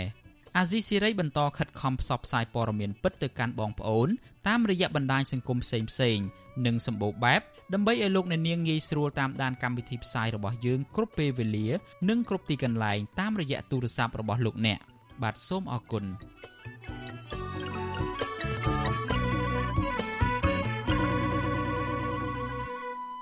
បាទលោកអ្នកនាងជាទីមេត្រីយើងងាកទៅបញ្ហានៅឯខេត្តសៀមរាបឯណោះវិញប្រជាពលរដ្ឋនៅក្នុងខេត្តនេះនិងអ្នកជំនាញផ្នែកច្បាប់រិះគន់ប៉ូលីសចរាចរណ៍ថាអនុវត្តច្បាប់មានស្តង់ដារ2 ដោយចាប់តែអ្នកក្រីក្រខណៈដែលអ្នកមានលុយមានអំណាចបែរជាត្រូវបានលើកលែងទោសបើទោះបីជាអ្នកនោះខុសច្បាប់ដូចគ្នាក៏ដោយការរិះគន់នេះធ្វើឡើងក្រោយពីមន្ត្រីប៉ូលីសចរាចរណ៍ខេត្តនេះតែងតែដាក់រនាំងចាំឃាត់ម៉ូតូឡាន ចំពោះប្រជាពលរដ្ឋណាដែលបើកខុសបំរាមចរាចរណ៍ផ្លូវគោកជាពិសេសនៅពេលយប់បាទលោកទីនសាការីយ៉ារាយការណ៍ព័ត៌មាននេះប្រជាប្រដ្ឋម្នាក់រស់នៅខេត្តសៀមរាបដែលធ្លាប់បានប៉ូលីសផាកពិន័យក្រោយពីខ្លួនមិនបានពាក់មួកសុវត្ថិភាព អំឡុងពេលធ្វើដំណើរក្នុងក្រុងសៀមរាបដែរនោះលោកភួយភក្តីឲ្យដឹងកាលពីថ្ងៃទី2សីហាថាលោកសាទរចំពោះប៉ូលីសចរាចរណ៍ដែលប្រឹងប្រែងអនុវត្តច្បាប់ចុះត្រួតពិនិត្យនិងផាកពិន័យបរិវត្តណាដែលមិនគោរពច្បាប់ចរាចរណ៍ផ្លូវគោកដើម្បីរក្សាសុវត្ថិភាពនិងកាត់បន្ថយបញ្ហាគ្រោះថ្នាក់ចរាចរណ៍ប៉ុន្តែលោកសោកស្ដាយដែលមន្ត្រីប៉ូលីសទាំងនោះអនុវត្តតែលើបរិវត្តធម្មតាក្នុងពេលដែលអ្នកមានតំណែងក្នុងជួរមន្ត្រីរាជការឬរដ្ឋាភិបាលអ្នកមានលុយកាក់មានអំណាច មិនត្រូវបានទទួលទោសស្មើគ្នានោះអឺមួយទៀតខ្ញុំគិតថាបើសិនជាគាត់អនុវត្តបែបនេះប្រជាពលរដ្ឋនៅតែមើលឃើញនៅតែគិតថាច្បាប់ហ្នឹងគឺមានតែមាត់ទេទោះបីជាច្បាប់ចែងមកល្អក៏ដោយគឺច្បាប់នៅតែលើមាត់ទៅហោះថាស្រេចតែនឹង ប៉ូលីសចរាចរណ៍គាត់ហាទេបើសិនជាគាត់ឲ្យទៅគឺទៅបើសិនជាគាត់មិនឲ្យទៅឲ្យទៅនៅផាកពិន័យគឺនៅផាកពិន័យហើយមួយទៀតច្បាប់ចែងមកថាឧទាហរណ៍ដូចអត់ពាក្យមូត្រូវបង់ផាកពិន័យ60000រៀលក៏ប៉ុន្តែបើសិនជាអាចសម្រួលបានជាមួយនឹងមន្ត្រីចរាចរណ៍ប៉ូលីសចរាចរណ៍អញ្ចឹងគាត់អាចបង់ផាកពិន័យតិចជាងនេះហើយទៅបានដោយអត់មានវិក័យប័ត្រទេអាហ្នឹងខ្ញុំគិតថាច្បាប់ហ្នឹងក៏អត់មានប្រសិទ្ធភាពដែរដោយសារតែវានៅតែលើមាត់របស់មន្ត្រីចរាចរណ៍នៅលើតាមដងផ្លូវទេ ប្រហាក់ប្រហែលគ្នាដែរបរិម្នាក់ទៀតរស់នៅក្រុងសៀមរាបដែលសមមិនបញ្ចេញឈ្មោះសង្កេតឃើញថាបញ្ហាចរាចរណ៍ផ្លូវគោកនេះបណ្ដាលមកពីកត្តាពីរទី1ដោយសារតែប្រជាពលរដ្ឋខ្វះការយល់ដឹងច្បាប់ចរាចរណ៍ក្នុងពេលដើរបរដ្ឋខ្លះមិនសូវខ្លាចច្បាប់ដោយខ្លាចប៉ូលីសចរាចរណ៍នោះទេហេតុនេះបណ្ដាលឲ្យសកម្មភាពផាកពិន័យរបស់មន្ត្រីប៉ូលីសកើតមានជាហោហែទី2ដោយសារតែនគរបាលចរាចរណ៍មួយចំនួនឆ្លៀតយកឱកាសទាំងនោះ ជារបររកលុយតាមរយៈការគៀបសង្កត់លើបរដ្ឋណា មិនគោរពច្បាប់ចរាចរណ៍បរដ្ឋរំនេះស្នើឲ្យនគរបាលចរាចរណ៍គួរតែអនុវត្តច្បាប់ឲ្យបានត្រឹមត្រូវក៏មានស្តង់ដារ2ដែលធ្វើឲ្យបរដ្ឋភ័យច្រើនអស់ជំនឿចិត្តលើការអនុវត្តច្បាប់បែបនេះមន្ត្រីមូលដ្ឋានឬក៏ប៉ូលីសចរាចរណ៍មួយចំនួនហ្នឹងគាត់គួរតែមានការទទួលខុសត្រូវក៏ដូចជាផ្ដល់ជាគំរូល្អដល់ប្រជាជនដូចខ្ញុំបានជម្រាបអញ្ចឹង គឺអ្វីដែលគាត់ធ្វើឲ្យប្រជាជនមើលឃើញជាគំរូនៅពេលដែលមានការផាកពិន័យចំពោះប្រជាជនដែលគាត់ធ្វើខុសគឺគាត់អត់សូវជាមានបញ្ហាអីទេប៉ុន្តែសម្រាប់ប្រជាជនដែលគាត់ធ្លាប់បានឃើញឬក៏គាត់អឺទទួលយកបានទៅលើបញ្ហាផ្សេងផ្សេងដែលប៉ូលីសចរាចរណ៍មួយចំនួនហ្នឹងគាត់អត់ទាន់បានគោរពទៅលើអ្វីដែលគេបានចែងហើយច្បាប់ស្តីពីចរាចរណ៍ផ្លូវគោកមាត្រា6ថ្មីចែងថា ត្រូវផាកពិន័យអន្តរកាលចំពោះអ្នកបើកបរតូចចក្រយានយន្តឬតូចក្រយានយន្តសណ្ដោងរមាក់ម៉ូតូកង់4ជាដើមត្រូវផាកពិន័យទឹកប្រាក់ចំនួន60000រៀលចំពោះអ្នកប្រព្រឹត្តបទល្មើសដូចគ្នាដូចជាអ្នកបើកបរនិងអ្នករួមដំណើរព្រមទាំងកុមារមានអាយុ3ឆ្នាំឡើងទៅមិនពាក់មួកសុវត្ថិភាពឬពាក់មួកមិនត្រូវស្តង់ដារជាដើមគឺអនុវត្តទៅតាមផ្លូវច្បាប់មាត្រា6ដដាលបង្ហាញថាចំពោះអ្នកបើកបរក្នុងស្ថានភាពស្រវឹងវិញ ត្រូវផាកពិន័យ250,000រៀលដែលមានអត្រាជាតិអាល់កុហុលចាប់ពី0.25ទៅ0.39មីលីក្រាមក្នុង1លីត្រខ្យល់ឬចាប់ពី0.5ទៅ0.79ក្រាមក្នុង1លីត្រឈាមត្រូវបញ្ឈប់មិនឲ្យបើកបររថយន្តបន្តដំណើរទៅមុខទៀតអ្វីត្បិតថាច្បាប់បានចែងមកបែបនេះក៏ដោយចុះចំណែកសង្គមស៊ីវិលនិងអ្នកច្បាប់មើលឃើញថានៅពេលបច្ចុប្បន្ននេះអ្នកដែលមានលុយមានអំណាចតែងតែរួចពីទោសទណ្ឌទាំងនោះដោយឡែកបរដ្ឋធម្មតា ត្រូវទទួលរងអយុត្តិធម៌រហូតដល់បរដ្ឋខ្លះបាត់បង់ជីវិតឃ្លាតឆ្ងាយពីកូនចៅ និងពីការរភាពមួយជីវិតក៏មានដោយសារតែគ្រោះថ្នាក់ចរាចរណ៍កើតចេញពីអ្នកមានលុយមានអំណាចមួយចំនួននោះប៉ុន្តែអ្នកបើកបរខុសច្បាប់ដោយមានលុយមានអំណាចនេះមិនត្រូវទទួលរងទណ្ឌកម្មពីផ្លូវច្បាប់ឡើយវិទ្យុអាស៊ីសេរីមិនអាចតាក់ទងលោកជឹមសវណ្ណស្នងការរងទទួលបន្ទុកដឹកនាំការិយាល័យនគរបាលចរាចរណ៍ផ្លូវគោកនិងលោកអេងវ៉ានីស្នងការរងនគរបាលខេត្តសៀមរាបបានទេ និងនគរបាលរងខេត្តសៀមរាបដើម្បីសួរអំពីបញ្ហានេះបានទេនៅថ្ងៃទី2សីហាចំណែកអភិបាលខេត្តសៀមរាបលោកទាសីហាក៏មិនអាចទទួលបានដែរអ្នកសិក្សាផ្នែកច្បាប់លោកវ៉ុនចាន់ឡូតបានឲ្យដឹងថាមន្ត្រីនគរបាលចរាចរណ៍មួយចំនួនទំនងជាប្រើប្រាស់ច្បាប់ដើម្បីគៀបសង្កត់ប្រជាពលរដ្ឋដូច្នេះគួរតែអនុវត្តច្បាប់ឲ្យបានស្មើភាពគ្នាលោកបន្តថាបើសិនជាការអនុវត្តផ្ទុយពីច្បាប់ហើយលំអៀងមកលើបុគ្គលមានអំណាចឬខ្លាចអត្តពលណាមួយនោះ គឺប្រឆាចទៅនឹងគោលការណ៍ច្បាប់ទាំងស្រុងដែលជាហេតុធ្វើឲ្យប្រជាពលរដ្ឋមើលឃើញថា ច្បាប់គ្មានតម្លៃដល់ពលរដ្ឋនោះទេមួយវិញទៀតច្បាប់បែបនេះវាបានឆ្លុះបញ្ចាំងថាជាច្បាប់ដើម្បីគៀបសង្កត់ទៅកាន់ប្រជាពលរដ្ឋដែលជាអ្នកស្រូតត្រង់ដែលជាជា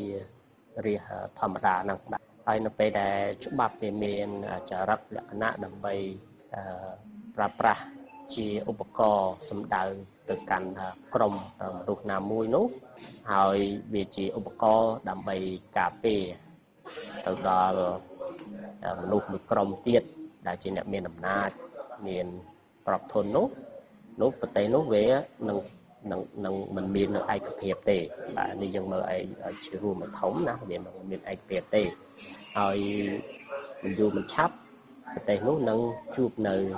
វិបត្តិឬក៏ភាពចលាចលដោយសារតែការអនុវត្តច្បាប់មានស្តង់ដារពីរហ្នឹងដោយឡែកអ្នកនាំពាក្យសមាគមការពារសិទ្ធិមនុស្សអាត់ហុកលោកសង្សានករណីសង្កេតឃើញថាករណីទាំងនេះមិនមែនទើបតែកើតមាននៅខេត្តសៀមរាបនោះទេរឿងនេះកើតមានឡើងសឹងតែគ្រប់ទីកន្លែងដែលធ្វើឲ្យប្រជាពលរដ្ឋមួយចំនួនសម្ដែងការមិនពេញចិត្តលើសពីនេះលោកមើលឃើញថា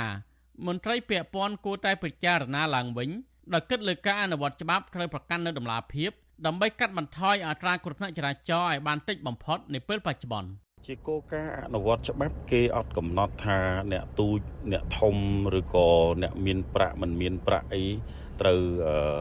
រួចខ្លួនទេ គឺគេត្រូវអនុវត្តទាំងអស់គ្នាណាអ្នកឲ្យតែអ្នកនោះបានប្រព្រឹត្តនៅអំពើល្មើសច្បាប់ហើយបើមានករណីបែបនេះ កើតឡើងវាច្បាស់ណាស់ដែលគេរិះគន់ថាវាជាការអនុវត្តស្តង់ដារ2អញ្ចឹងបើសមត្ថកិច្ចនឹងដែលគាត់អនុវត្តច្បាប់នឹងមិនត្រូវមានការយោគយល់មន្ត្រីមានតំណន្តរស័ក្តិឬក៏អ្នកមានប្រាក់អីរួចខ្លួនអញ្ចឹងទេនៅអំឡុងពេលនៃវិបត្តិជំងឺ Covid-19 បានអស់បន្លាយអស់រយៈពេលជាង2ឆ្នាំមកនេះអត្រាអ្នកស្លាប់ដោយសារគ្រោះថ្នាក់ចរាចរណ៍នៅតែកើតមានឡើងដដែល របាយការណ៍បូកសរុបលទ្ធផលការងារសវត្ថភាពចរាចរណ៍ផ្លូវគោកប្រចាំឆ្នាំ2021បានបញ្ជាក់ថាគ្រោះថ្នាក់ចរាចរណ៍ផ្លូវគោកកាលពីឆ្នាំ2021បានកើតឡើងជិត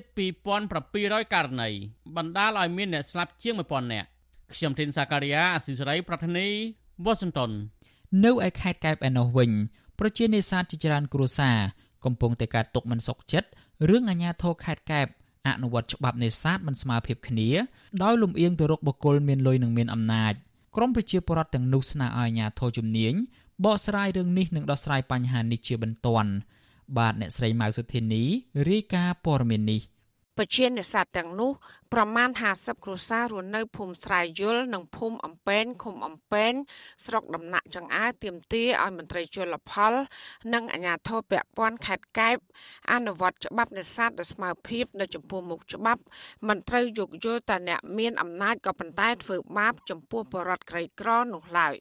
តំណាងបរិវត្តលោកហ៊ុំសិនប្រាប់បច្ចុប្បន្នស៊ីស្រីនៅថ្ងៃទី2ខែសីហាថាមន្ត្រីរដ្ឋបាលជលផលមួយចំនួន បានខាត់ចាប់ដុំឆក់របស់ប្រជានេសាទអស់ជាច្រើនគ្រឿងប៉ុន្តែបែរជាបណ្ដោយឲ្យអ្នកនេសាទនៅតំបន់ផ្សេងផ្សេងដែលជាប់ខ្សែស្រឡាយអ្នកមានអំណាចប្រើដុំឆក់បានដោយសេរី។ លោកថាប្រជានេសាទជាច្រើនគូសាកំពុងប្រឈមជីវភាពខ្វះខាតមិនបានទៅនេសាទច្រើនថ្ងៃមកហើយពីព្រោះក្រមមន្ត្រីរដ្ឋបាលជលផល កំពុងត្រៀមឃាត់ចាប់ដុំឆក់របស់ពួកលោកជាច្រើនគ្រឿងហើយប្រសិន បើគ្មានដុំឆក់ទេពួកលោកនឹងមិនអាចរកត្រីបានឡើយលោកទទួលស្គាល់ថាដុំឆក់ជាឧបករណ៍ខុសច្បាប់ តែលោកចង់ឃើញអាជ្ញាធរអនុវត្តច្បាប់ ដោយស្មារតីគ្នាមិនគួរខាត់ចាប់តែពួកលោកក៏ប៉ុន្តែអនុញ្ញាតឲ្យអ្នកផ្សេងប្រើប្រាស់បាននោះឡើយខាងម៉ែឆាលីខាងម៉ែឆាលីគាត់មានអំណាចអញ្ចឹងសូមមន្ត្រីជលផលក៏តាំងតែជើងតែអ្នកដែលថាមានលុយមានអំណាចក៏ជាគាត់ជាបរិវត្តតែអត់ជាអង្គចកឆ្នាំងលុយឲ្យកូនអូមបានអើយ កាលពីថ្ងៃទី1ខែសីហាបរដ្ឋជាង40នាក់តំណាងឲ្យប្រជានេសាទជាង50គ្រួសាររស់នៅភូមិចំនួន2បានលើកគ្នាតវ៉ានៅសាលាស្រុកដំណាក់ចង្អើដើម្បីឲ្យអាជ្ញាធរដោះស្រាយបញ្ហាទាំងនេះបរដ្ឋាញាធរស្រុក បានសន្យានៅចំពោះមុខគាត់ថានឹងក៏ហៅភិក្ខុពាក់ព័ន្ធមកដោះស្រាយនៅថ្ងៃពុធនេះ លោកហ៊ុំសិនបន្ថែមថាដុំឆក់ដែលប្រជានេសាទប្រើប្រាស់សម្រាប់នេសាទសមុទ្រគឺមានប្រភពពីប្រទេសវៀតណាមហើយពួកលោក មានទម្លាប់ប្រើឧបករណ៍នេះជាង20ឆ្នាំមកហើយលោកបញ្ជាក់ថាដុំឆក់នេះ មានតម្លៃចន្លោះពី1លានរៀលដល់1លាន3សែនរៀលដែលមន្ត្រីរដ្ឋបាលជលផលខាត់ចាប់ពីពួកលោក ហើយលួចយកទៅលក់ជាបន្តជាហូរហែលោកបារម្ភថាប្រសិនបើអាជ្ញាធរមិនដោះស្រាយបញ្ហានេះទេនឹងប៉ះពាល់ជីវភាពបរដ្ឋក្រីក្រដែលមានសេដ្ឋកិច្ចពឹងផ្អែកទាំងស្រុងលើផលនេសាទប្រជាពលរដ្ឋនៅខាងកើតយើងហ្នឹងអត់ត្រូវឆក់អញ្ចឹងក៏អូសអត់បានដែរព្រួយមានខាងវៀតណាមខាងអីគាត់មានឈោងចូលមកអូសលុកលុយនៅដីខ្មែរយើងដែរហ្នឹងបង វត្ថុអសីស្រីមិនទាន់អាចតតងសុំការបំភ្លឺរឿងនេះពីប្រធានមន្ត្រីកសិកម្មខេត្តកែបលោកថងបូរិន និងអ្នកនាំពាក្យសាលាខេត្តកែបលោកវ៉ាវសុខាបាននៅឡើយទេ នៅថ្ងៃទី2ខែសីហាចំណែកអភិបាលខេត្តកែបលោកសោមពិសិដ្ឋក៏មិនអាចសុំការបំភ្លឺបានដែរនៅថ្ងៃដដែលនេះ តែយ៉ាងណាប្រធានមន្ត្រីកសិកម្មខេត្តកែបលោកថងបរិនបានថ្លែងក្នុងសន្និសីទសារព័ត៌មានមួយកាលពីឆ្នាំ2021ឲ្យដឹងថាមកទល់ពេលនេះនៅតែកើតមានសកម្មភាពនេសាទខុសច្បាប់ ក្នុងដែនសមុទ្រខេត្តកែបដែលកំពុងបំផ្លាញធនធានធម្មជាតិដូចជាថ្មប្រប្រាស់ផ្កាថ្ម និងជំរកមច្ឆាជាតិជាដើម។ ជុំវិញរឿងនេះប្រធានមជ្ឈមណ្ឌលប្រជាប្រដ្ឋដើម្បីអភិវឌ្ឍនិងសន្តិភាព លោកយងកំឯងចាត់ទុកការប្រើឧបករណ៍ឆក់ដើម្បីនេសាទសមុទ្រជាទង្វើខុសច្បាប់ហើយអាជ្ញាធរត្រូវអនុវត្តច្បាប់ស្មើភាពគ្នាដោយមិនរើសអើងនោះឡើយ។ បើអាញាធរអនុវត្តច្បាប់មិនបានត្រឹមត្រូវទេអានឹងគឺនឹងធ្វើឲ្យការអនុវត្តច្បាប់របស់យើងនឹងវាទៅជាកំបិតមុខពីរបាទដែលវាធ្វើឲ្យប្រជាពលរដ្ឋខឹងសម្បាហើយនឹងធ្វើឲ្យអ្នកដែលមានអំណាចមានសិទ្ធិអំណាចខ្លះហ្នឹងគាត់សប្បាយចិត្តទៅដោយសារគាត់រកបានម្នាក់ឯងចឹងទៅបាទហ្នឹងជារឿងមួយដែលមិនគួរឲ្យកើតមាន របាយការណ៍របស់មន្ត្រីកសិកម្មខេត្តកែបបង្ហាញថា ក្នុងឆ្នាំ2021ប្រជានេសាទសមុទ្រខេត្តនេះប្រមូលផលត្រីបានជាង5000តោនហើយការបង្ក្រាបបទល្មើសជលផលវិញ គឺមានចំនួន40ករណី អាញាធរក៏បានរកឃើញថាផ្ទៃសមុទ្រខេត្តកែបអំណោយផលផ្នែកជីវៈចម្រុះងាយស្រួលរស់នៅព្រោះតំបន់នោះមានផ្ទៃសមុទ្រសម្បូរស្មៅដែលជាប្រភពអាហារយ៉ាងសំខាន់របស់ត្រីនិងជីវៈចម្រុះសមុទ្របន្ថែមពីនេះសមុទ្រខេត្តកែបមានកន្លែងអភិរក្សស្មៅសមុទ្រនិងកន្លែងអភិរក្សជលផល10តំបន់ដែលមានផ្ទៃដីសរុបជាង3000ហិកតា ចាននាងខ្ញុំម៉ៅសុធានីវិទ្យុអាស៊ីស្រីប្រធានាធិបតី Washington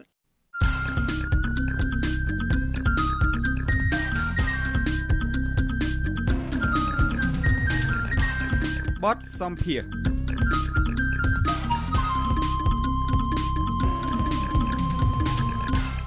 បាទលោកនាងជាទីមេត្រីប្រធានស្ដីទីគណៈបកសង្គ្រោះជាតិលោកសំរងស៊ីគាំទ្រឲ្យគណៈបកតូចតូចរួបរวมគ្នា ដើម្បីចូលរួមប្រកួតប្រជែងការបោះឆ្នោតឆ្នាំ2023ខាងមុខក៏ប៉ុន្តែលោកអះអាងថាដើម្បីធ្វើឲ្យការរួបរวมគ្នានេះអាចធ្វើទៅបាននិងទទួលបានជ័យជំនះនោះលុះត្រាតែគណៈបកនយោបាយទាំងនោះមានភាពស្មោះត្រង់នឹងគ្នាបាទសូមលោកអ្នកនាងស្ដាប់បទសម្ភាសន៍របស់លោកទីនសាការីយ៉ាជាមួយនឹងលោកសំរងស៊ីអំពីបញ្ហានេះដូចតទៅ សម្រាប់ពេលនេះដែលអាយដាមធ្លាប់ដឹកនាំគណៈបកប្រឆាំងជាច្រើនឆ្នាំហើយជាគណៈបកប្រឆាំងដែលធំជាងគេនៅកម្ពុជាផងនោះមុនដែលរដ្ឋាភិបាលឯកបកបានរំលាយគណៈបកសង្គ្រោះជាតិចោលហើយឥឡូវនេះឃើញគណៈបកនៅក្រៅរដ្ឋាភិបាលចំនួន5កំពុងតែស្វាស្វែងរករូបមន្តបង្រួបបង្រួមគ្នានេះជាការចាប់អារម្មណ៍របស់អាយដាមមើលឃើញបែបណាដែរបាទអ្វីដែលសំខាន់គឺការសម្រេចចិត្ត បន្ទាប់ពីយើងទាំងអស់គ្នាឯកភាពគ្នាយល់ឃើញថាត្រូវតែមានការរួបរวมគ្នាដាច់ខាតបងរួបបង្រួមកម្លាំងស្នេហាជាតិកម្លាំងប្រជាធិបតេយ្យ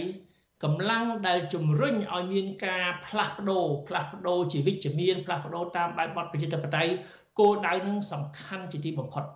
តើតែយើងសម្រេចគោលដៅនឹងបានបានយើងអាចសង្គ្រោះជាតិយើងបាន បើយើងយល់អញ្ចឹងទៅអស់គ្នាហើយហើយយើងមានឆន្ទៈបដូរផ្ដាច់ថាត្រូវតែរួបរวมគ្នាក្នុងន័យនឹងក្នុងបំណងនឹងអត់អីពិបាកទេរូបមន្តចង់យករបៀបណាជជែកគ្នាលម្អិតចាំជជែកគ្នាក្រោយទៅប៉ុន្តែសូមឲ្យបញ្ជាក់ឲ្យច្បាស់ថាយើងចង់ឲ្យមានការផ្លាស់ប្ដូរពិតប្រាកដទេ យើងចង់ឲ្យមានការរួបរวมគ្នាជាទ្រង់មួយ ក្នុងទ្រង់ទ្រង់ទ្រាយធំជាទីបំផុតដើម្បីជំរុញឲ្យមានការផ្លាស់ប្ដូរបើថាឯកភាពគ្នាអញ្ចឹងទាំងអស់គ្នាហើយខ្ញុំជឿថាអត់មានអីពិបាកទេយើងនឹងរកនឹងអនុវត្តរូបមន្តណាមួយដែលសមស្របបាទតើរូបមន្តឆ្លងតាមបទពិសោធន៍របស់អាយដាមជាមួយអាដាមកម្មសខាពិសេសគឺគណៈបកសង្គ្រោះជាតិនឹងតែម្ដងតើអ្វីជារូបមន្តថ្មីនៅពេលដើម្បីឲ្យមើលឃើញថាគណៈបក នៅក្រៅរដ្ឋាភិបាលទាំង5ឬក៏អាចគណៈមានគណៈបកជាច្រើនទៀតមកចូលនៅក្នុងចង្កោមតែមួយហើយមានទិសដៅមួយរួមគ្នាហើយធានាថាចុងក្រោយមិនបែកគ្នាហើយសម្រេចទិសដៅចង់ឲ្យមានការផ្លាស់ប្ដូរតាមរយៈការបោះឆ្នោតរបស់ពជារាជាអ្នកវិនិច្ឆ័យពជារាអ្នកបោះឆ្នោតជាអ្នកវិនិច្ឆ័យយើងឃើញថាពជារាខ្មែរនិងអ្នកបោះឆ្នោតនៅតែបន្តគ្រប់គ្រង គណៈបកណាដែលបង្ហាញនៅភាពស្មោះត្រង់គឺមិនបដូរជំហររបស់ខ្លួនជំហរស្មោះត្រង់ជាមួយប្រទេសជាតិជំហរស្មោះត្រង់ជាមួយប្រជារាស្ត្រគេសម្លុតមិនខ្លាចគេប៉ុនប៉ងទិញទឹកចិត្តយើងមិនលក់ឧត្តមកតេរបស់យើងយើងឃើញថាគណៈបកដែលដែលប្រជារាស្ត្រទទួលស្គាល់ តាំងពីយូរយារណាស់មកហើយគឺមានគណៈបកសំរងស៊ីដែលខ្ញុំបានបង្កើត24ឆ្នាំហើយបន្ទាប់មកគឺគណៈបកសង្គ្រោះជាតិបន្ទាប់ពីគណៈបកសំរងស៊ីបានច្របាច់ចូលជាមួយនឹងគណៈបកសិទ្ធិមនុស្សដឹកនាំដោយលោកកឹមសុខា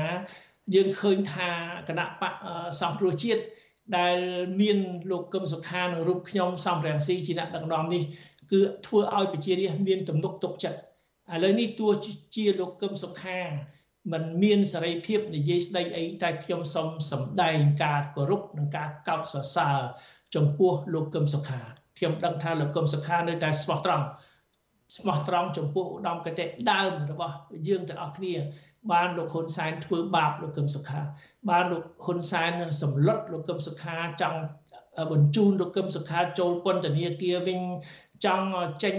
ដីកាអីចាត់លោកកឹមសុខាធ្វើបាបលោកកឹមសុខាម្ដងទៀតគឺថាដោយសារលោកកឹមសុខាគាត់ស្មោះត្រង់គាត់មិនព្រមចោះចាញ់គាត់មិនព្រមធ្វើតាមលោកហ៊ុនសែននឹងហើយបានជាលោកហ៊ុនសែនចង់ធ្វើបាបលោកកឹមសុខាជាបន្តទៅទៀតអញ្ចឹងហើយបានថាសុំរក្សាឧត្តមកតេដើមរបស់សំរងស៊ីឧត្តមកតេដើមរបស់កឹមសុខាឧត្តមកតេដើមរបស់សង្គ្រោះជាតិ សូមរក្សាធ្វើម៉េចឲ្យប្រលឹងសង្គ្រោះជាតិនៅរស់រវើកជាជារៀងរហូតបាទ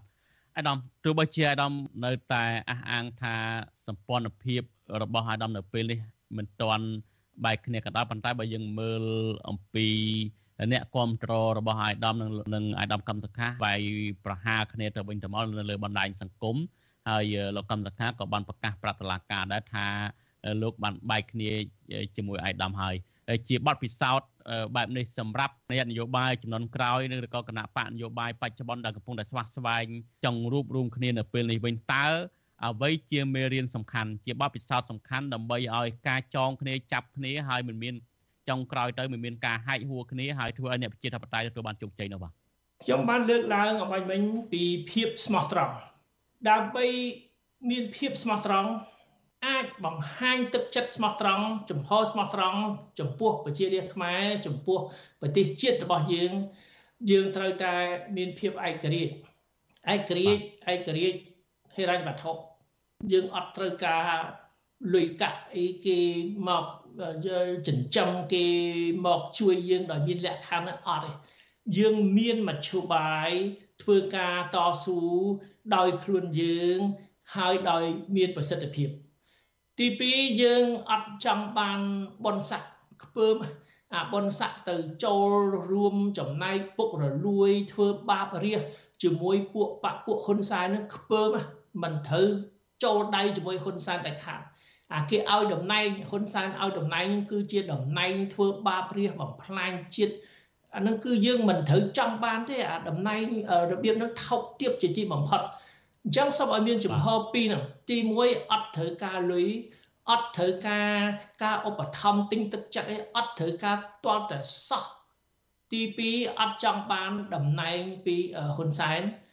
អត់ចង់ទៅធ្វើរណបហ៊ុនសែនទៅចូលដៃជាមួយហ៊ុនសែនបំផ្លាញជាតិធ្វើបាបនេះដោយសពថ្ងៃអត់ដាច់ខាតហើយទី3អត់ខ្លាចអត់ខ្លាចអត់ខ្លាចគេសម្លុតអត់ខ្លាចគេគំរាម អត់ខ្លាចគេចង់ធ្វើទុកបុកម្នេញយើងយើងយើង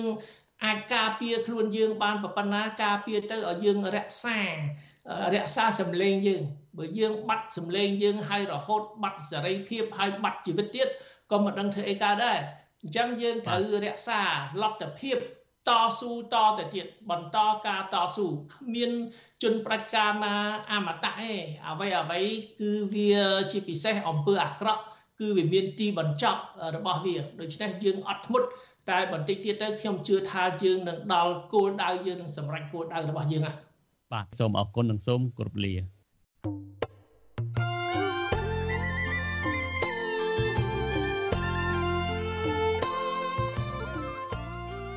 លោកអ្នកនាងជាទីមេត្រី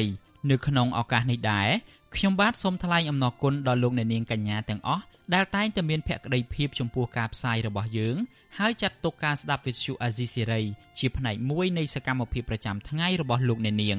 គឺការគ្រប់គ្រងរបស់លោកអ្នកនាងនេះហើយដែលធ្វើឲ្យយើងខ្ញុំមានទឹកចិត្តកាន់តែខ្លាំងថែមទៀតនៅក្នុងការស្វែងរកនិងផ្តល់ព័ត៌មានជូនលោកអ្នកនាង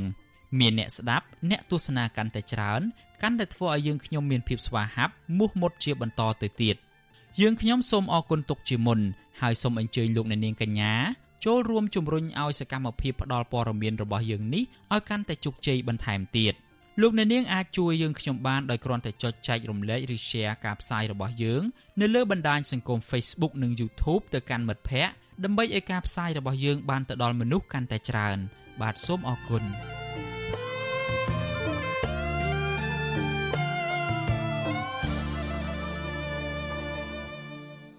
លោកអ្នកនាងជាទីមេត្រី ការផ្សាយរយៈពេល1ម៉ោងរបស់វិទ្យុអាស៊ីសេរីនៅព្រឹកនេះចប់ត្រឹមតែប៉ុណ្ណេះយើងខ្ញុំសូមជូនពរដល់លោកអ្នកនាងព្រមទាំងក្រុមគ្រួសារទាំងអស់ឲ្យជួបប្រកបតែនឹងសេចក្តីសុខចម្រើនរុងរឿងកុំបីឃ្លៀងឃ្លាតឡើយខ្ញុំបាទយ៉ងច័ន្ទដារាព្រមទាំងក្រុមការងារទាំងអស់នៃវិទ្យុអាស៊ីសេរីសូមអរគុណនិងសូមជម្រាបលា